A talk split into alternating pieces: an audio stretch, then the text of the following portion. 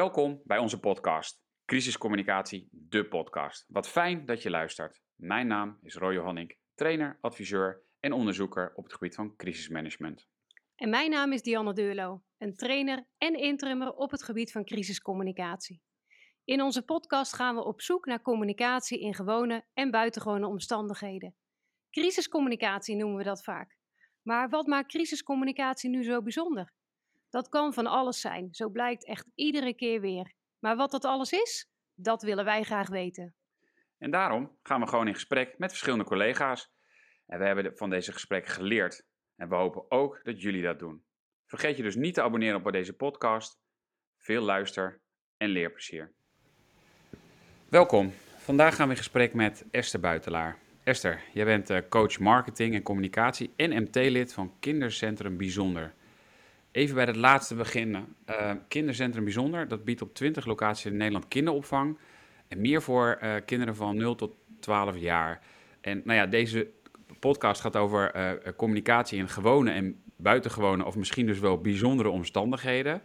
Ja, dat, dat bijzonder, dat triggert ons natuurlijk meteen voor de eerste vraag van waarom zijn jullie dan zo bijzonder als kindercentrum?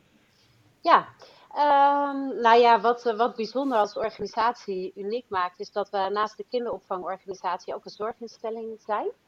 Uh, en dat betekent dat we ook kinderen met een zorgbehoefte of uh, collega's met een afstand tot de arbeidsmarkt een plek kunnen bieden bij bijzonder.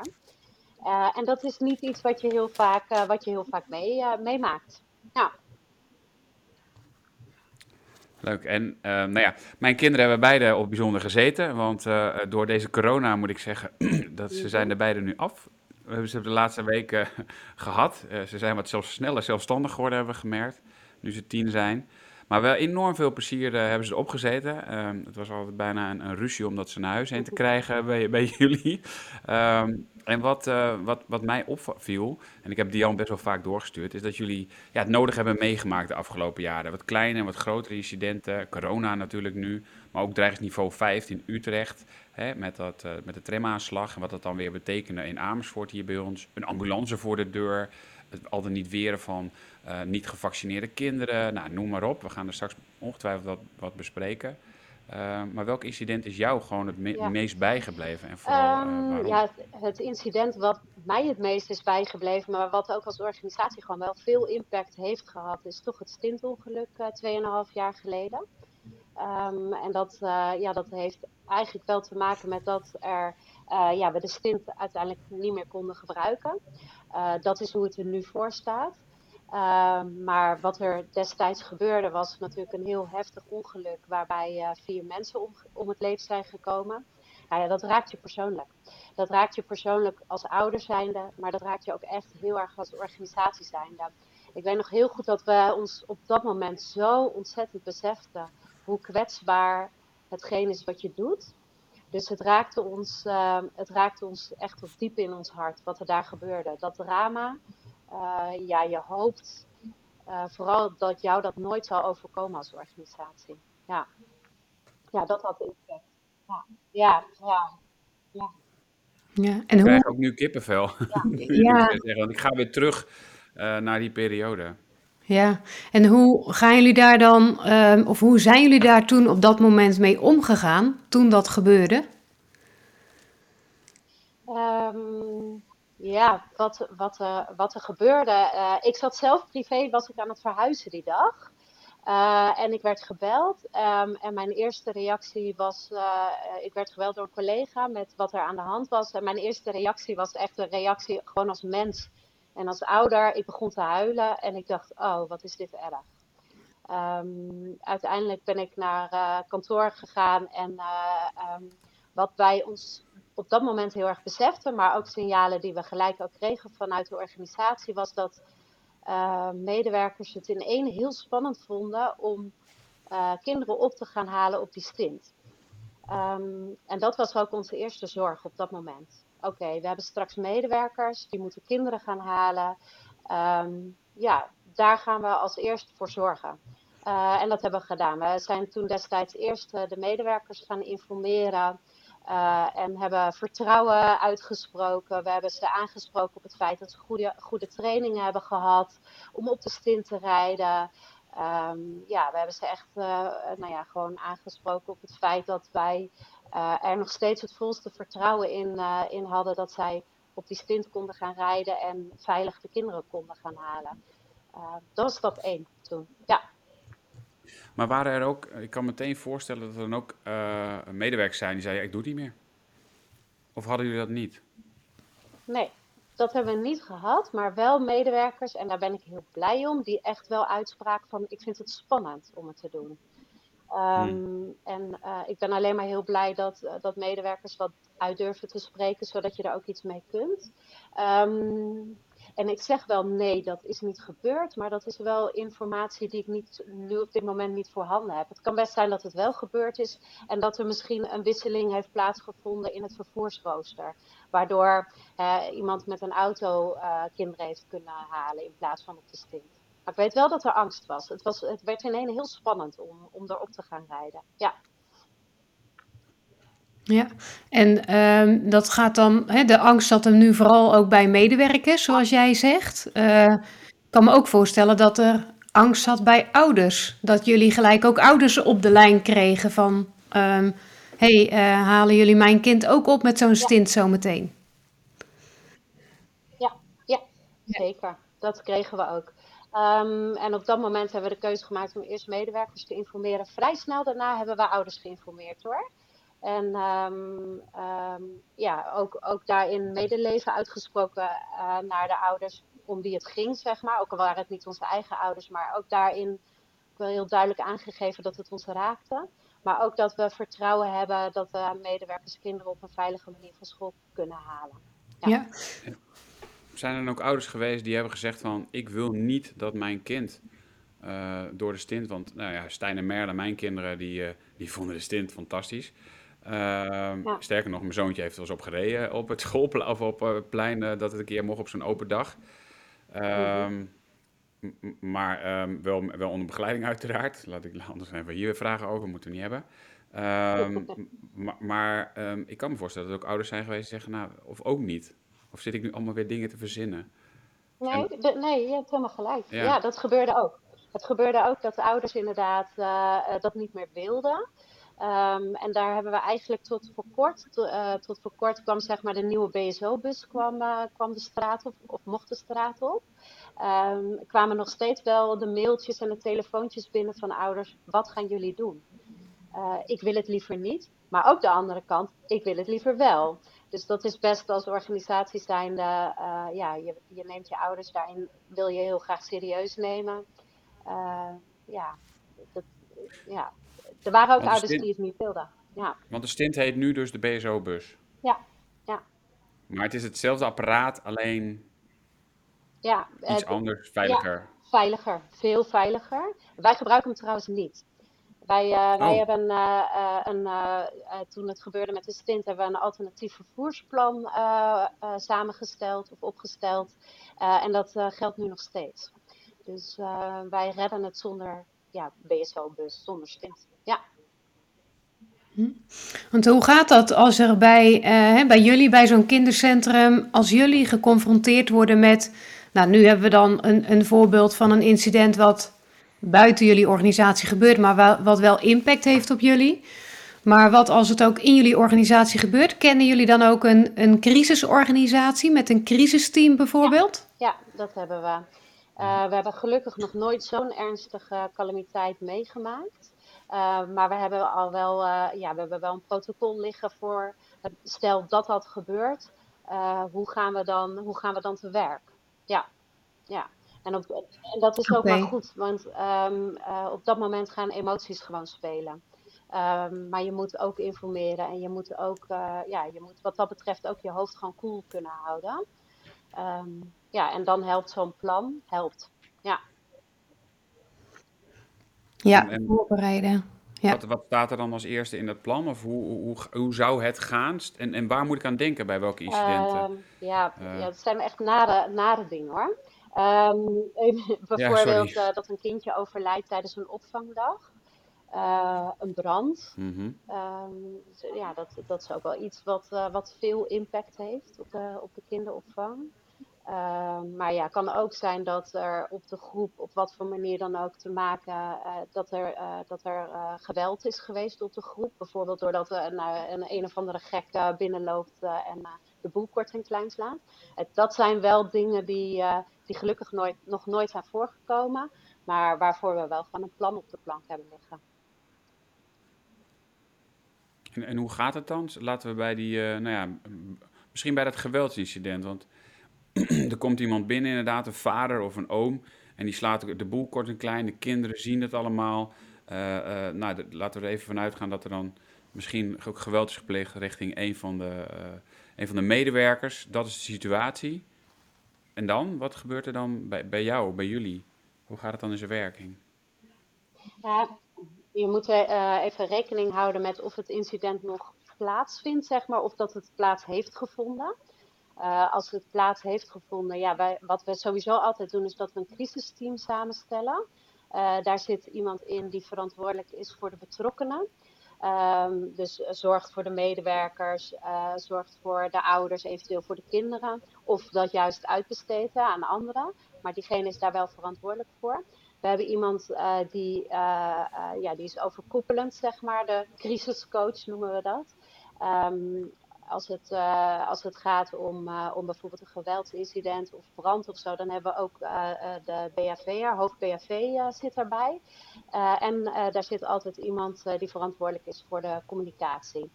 Um, dus we verdelen de rollen en um, we, we, komen bij elkaar. en proberen zo snel mogelijk in kaart te brengen: oké, wat speelt er? Wat is er aan de hand? Uh, vervolgens um, ja, bespreken we wat er moet gebeuren, wat zijn de rollen, wat zijn de taken, wat moet er opgepakt worden.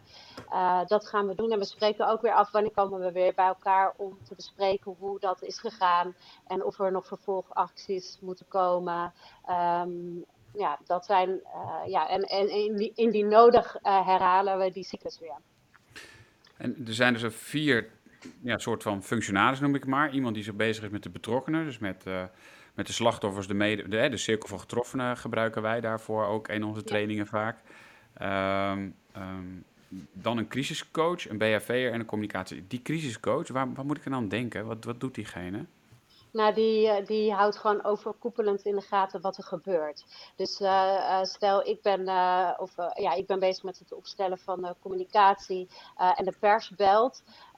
dan, ja, dan is diegene wel eventjes degene die kan zeggen van... hé, hey, oh, de pers hangt aan de lijn. Ehm, ik ga nu Esther even storen. Of ja, of er gebeurt iets anders. Of, of we merken ineens dat heel veel ouders bellen. En het is eigenlijk iemand die uh, in de gaten houdt van wat speelt er uh, en wie moet ik er nu bij betrekken om ervoor te zorgen dat er weer rust komt of uh, die in kaart gaat brengen welke taken er nog meer gedaan moeten worden.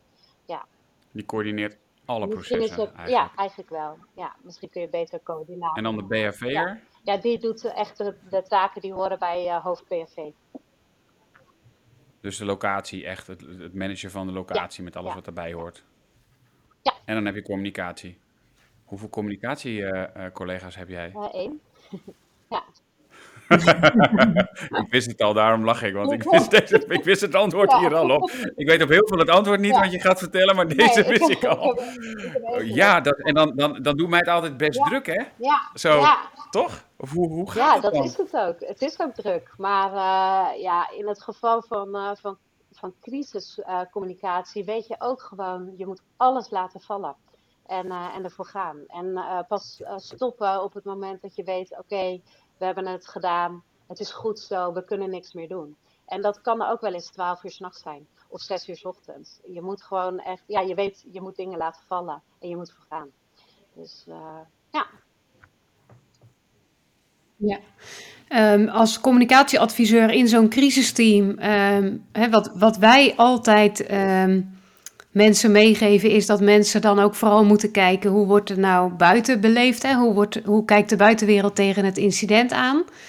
Uh, en buitenwereld is nu heel breed, maar natuurlijk vooral hoe, hoe beleven de betrokkenen het en hoe beleven bijvoorbeeld ouders en medewerkers het. hoe doen jullie dat? Of doen jullie dat? Maken jullie zo'n, ja, we noemen het vaak omgevingsanalyse, maken jullie die ook? bij ons is het zo dat wij hebben altijd COM. Dat, zijn, uh, dat, dat gebruiken we zeg maar als afkorting. Dat zijn kinderen, ouders, medewerkers. Uh, en daarin kijken we van wie zijn in deze het belangrijkste. Uh, en dat kan soms zijn dat we eerst de medewerkers pakken als de allerbelangrijkste. En dan de ouders en dan de kinderen bijvoorbeeld. Of andere, ja, we, we hebben daarin wel vaak een andere volgorde. Maar wij zeggen altijd kom. Uh, dat, is, uh, dat zijn uh, onze -hmm. belangrijkste doelgroepen als het gaat om, om de communicatie. Ja. En daarnaast hebben we nog meer doelgroepen hoor. Die, ja, en als je dan kijkt naar die. Maar voor ons is dat echt de kern. Ja. Ja, ik vind het wel mooi dat je het bedoelt. Het is een hele handige, heldere afkorting. ezelsbruggetje. En het zijn gewoon de drie belangrijkste die je denk ik altijd uh, goed uh, ja, in het vizier moet houden met elkaar. Ja, ja. En als we dan specifiek kijken naar bijvoorbeeld de ouders. Hè, ouders um, um, zullen zich waarschijnlijk uiten, zullen iets van de crisissituatie vinden. Uh, mensen daaromheen waarschijnlijk ook. Uh, er wordt misschien van alles ook op uh, sociale media gezet. Mensen gaan misschien ook bellen naar jullie organisatie. Um, al die signalen, al die ja, input vanuit die buitenwereld, hoe halen jullie dat naar binnen? Um, die signalen die zijn soms ook echt wel heel erg nuttig als het gaat om wat is er eigenlijk aan de hand. Neem ik even als, als voorbeeld het schietincident. Wat er toen gebeurde, de schutter in Utrecht ja, zorgde er eigenlijk voor dat de Amersfoort ook in een het hoogste dreigingsniveau kreeg. waardoor scholen de kinderen niet meer aan ons meegaven. Dus ons, of, en soms wel. Dus we, eigenlijk mochten kinderen niet meer naar buiten, maar onze medewerkers stonden al op het schoolplein. En toen werd bekend dat scholen de kinderen binnenhielden of nou ja, wel hadden meegegeven aan medewerkers. Maar er was in ieder geval onrust. Wij wisten niet wat er speelde, totdat de telefoon ging.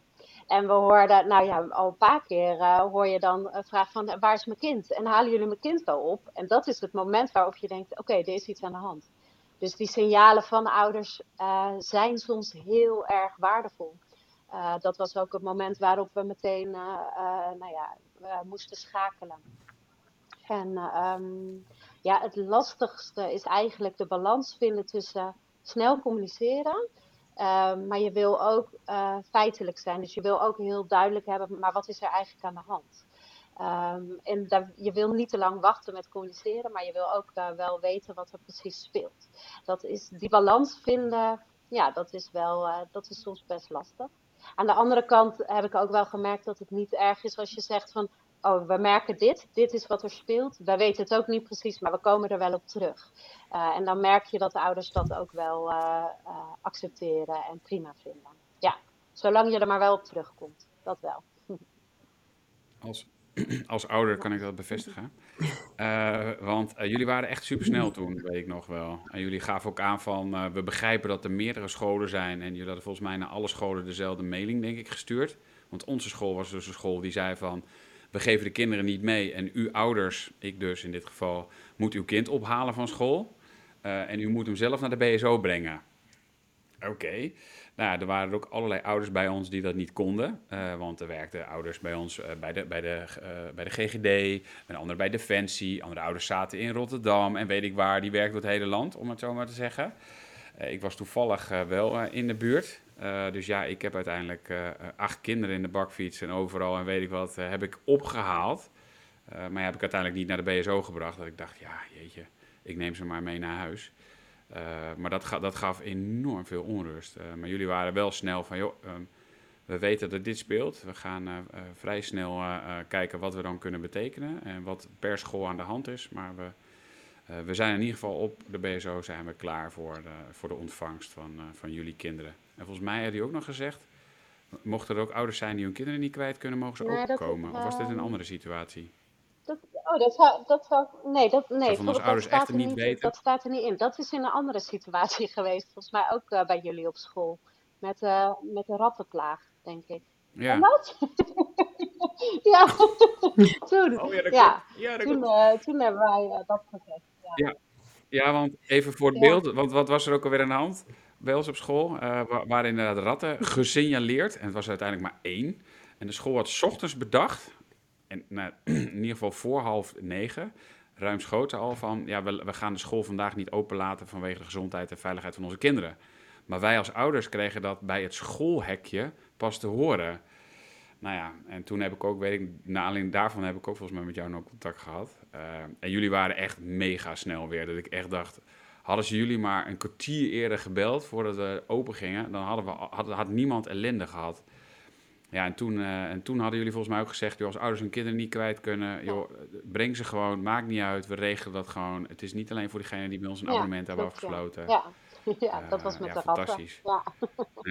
Ja. ja. Dat was met de ratten, ja, die hebben we ook gehad, ja. Ik kan me nog wel herinneren, Roy, want eh, ik zit natuurlijk zelf in een hele andere regio. Dus uh, ik woon in Zeeland, dus ik heb uh, kinderen hier in, in opvang en dergelijke. maar ik kan me wel herinneren dat toen met die rattenplaag, dat jij ook toen de communicatie vanuit Bijzonder naar, naar mij stuurde van moet je kijken hoe ze dit doen en hoe...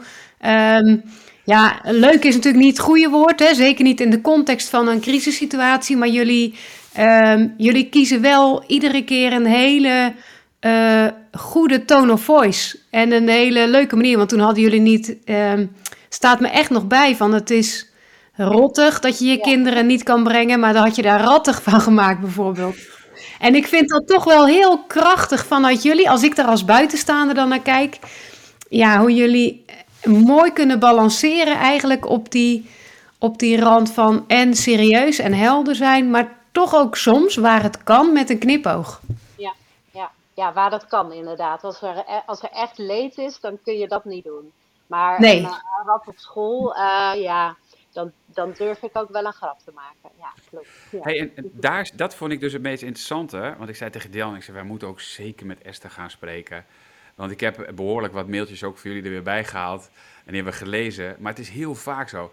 Wat zegt dat over de positie die jij en communicatie daarmee in jullie organisatie hebt? Want ik heb het idee dat jij niet alles hoeft af te stemmen. Dat je best wel een vrije rol hebt.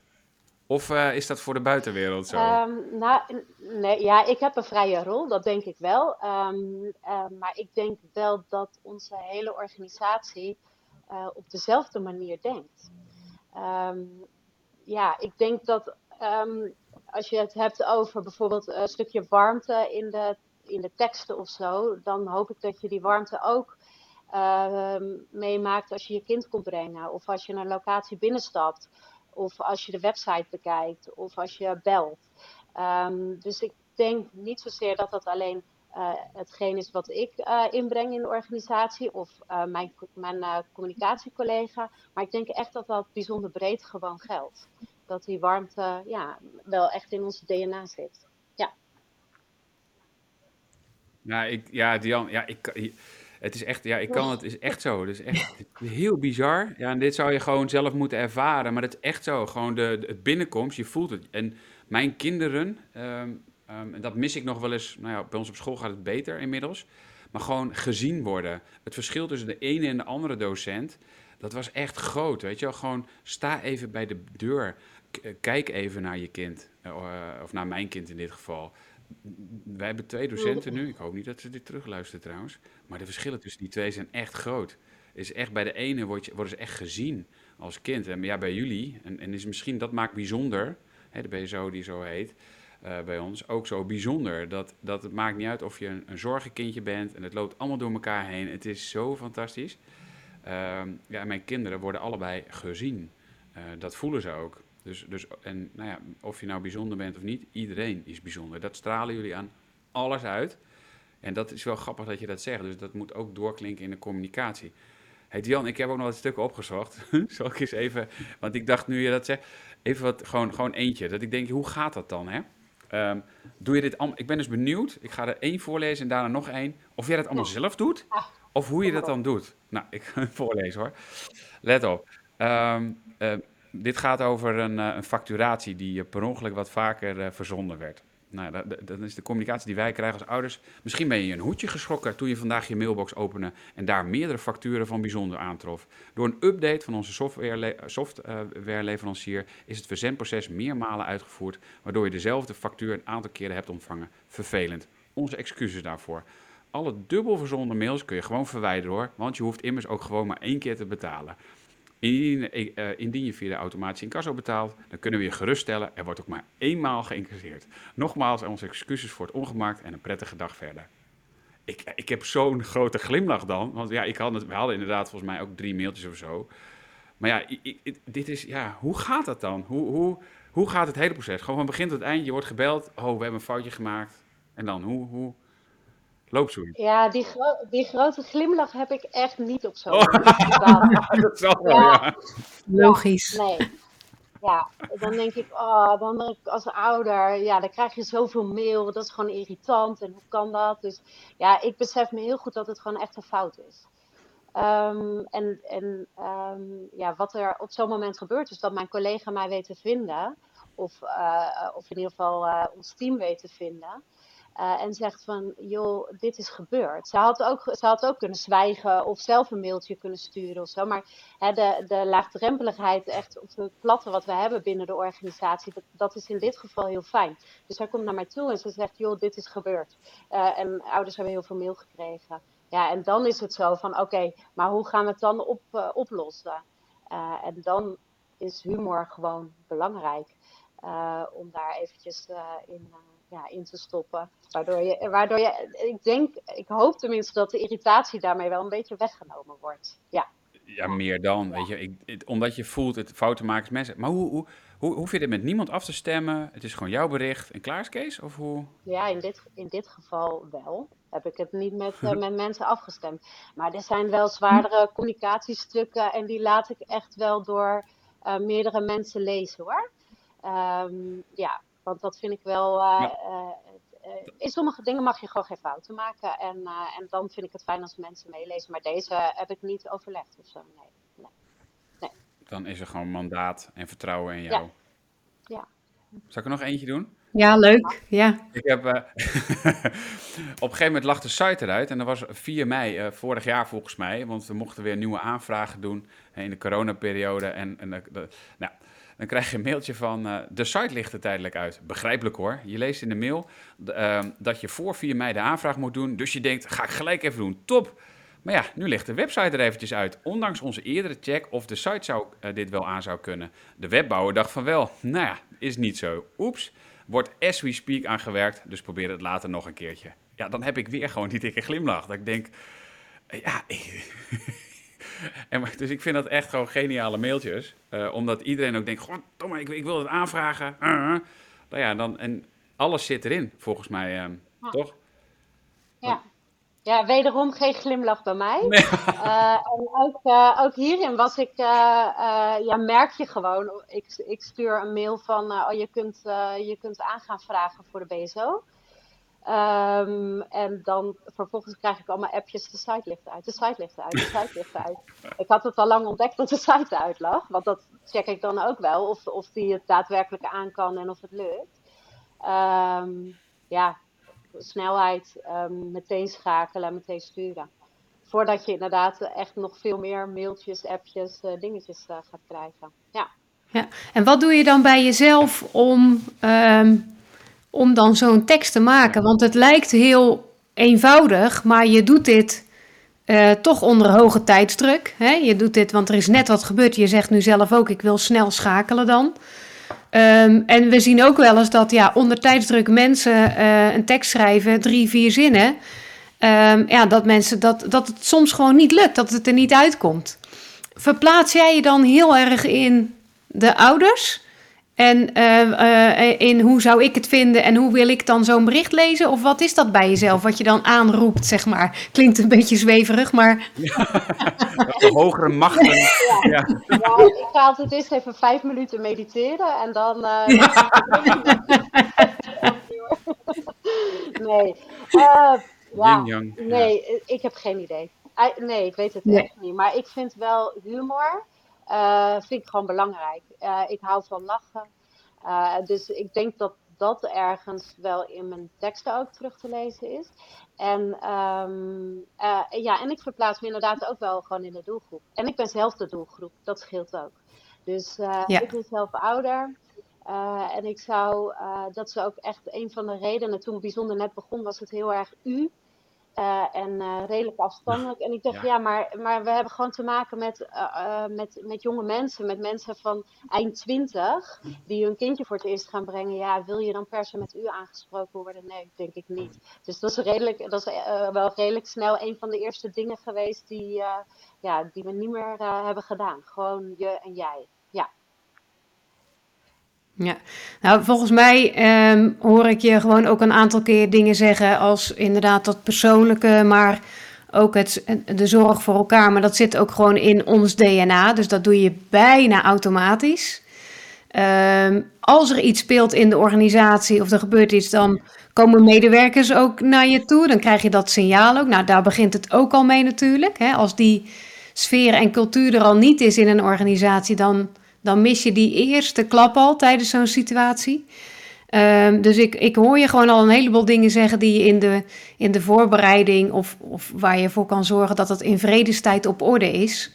Um, en deels kun je daar uh, bewust iets aan doen en deels zit het misschien onbewust in het DNA van een organisatie. Ja, ja ik denk het wel. Ja. ja. ja. Um, tot slot, Esther, um, zou jij andere mensen die ja, geconfronteerd worden met een crisissituatie, wat zou jij hen uh, mee willen geven als tip uh, om te doen tijdens een crisis? Um, ja, ik denk niet dat je zozeer moet kijken nu wat kun je doen tijdens een crisis, maar ik denk dat je van tevoren al heel veel dingen kunt doen. En um, dan heb ik het bijvoorbeeld op dat je uh, binnen de organisatie ook echt wel ja, een stukje traint op wat, wat zijn signalen uh, en waar kun je terecht met je signalen. Uh, maar dat je ook, ook heel duidelijk al laat weten van, oh ja, mag je zomaar als medewerker met de pers praten of verwijs je door naar. dat zijn eigenlijk al wel dingen die je voorafgaand ja, goed op orde moet hebben. En ik denk, als je het hebt over um, nou ja, plannen en zo. Um, ik zou niet heel veel scenario's uit gaan denken. Maar ik denk wel dat je voor jezelf helder moet zijn. Oké, maar wat helder moet hebben van wat ga ik nou doen op het moment dat er echt iets is. Um, en, en zorg ervoor dat mensen die uh, daar ook van op de hoogte zijn. Zodat ze weten, oké, wat, wat moeten we doen op zo'n moment? Waar vinden we de spullen? Waar vinden we belangrijke telefoonnummers? Zijn alle mailadressen up-to-date?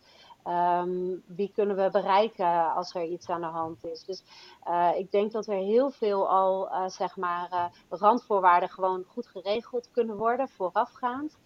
zodat je tijdens een crisis je hoofd koel kunt houden en ja, de lijntjes goed scherp en helder kunt, kunt hebben. Ja.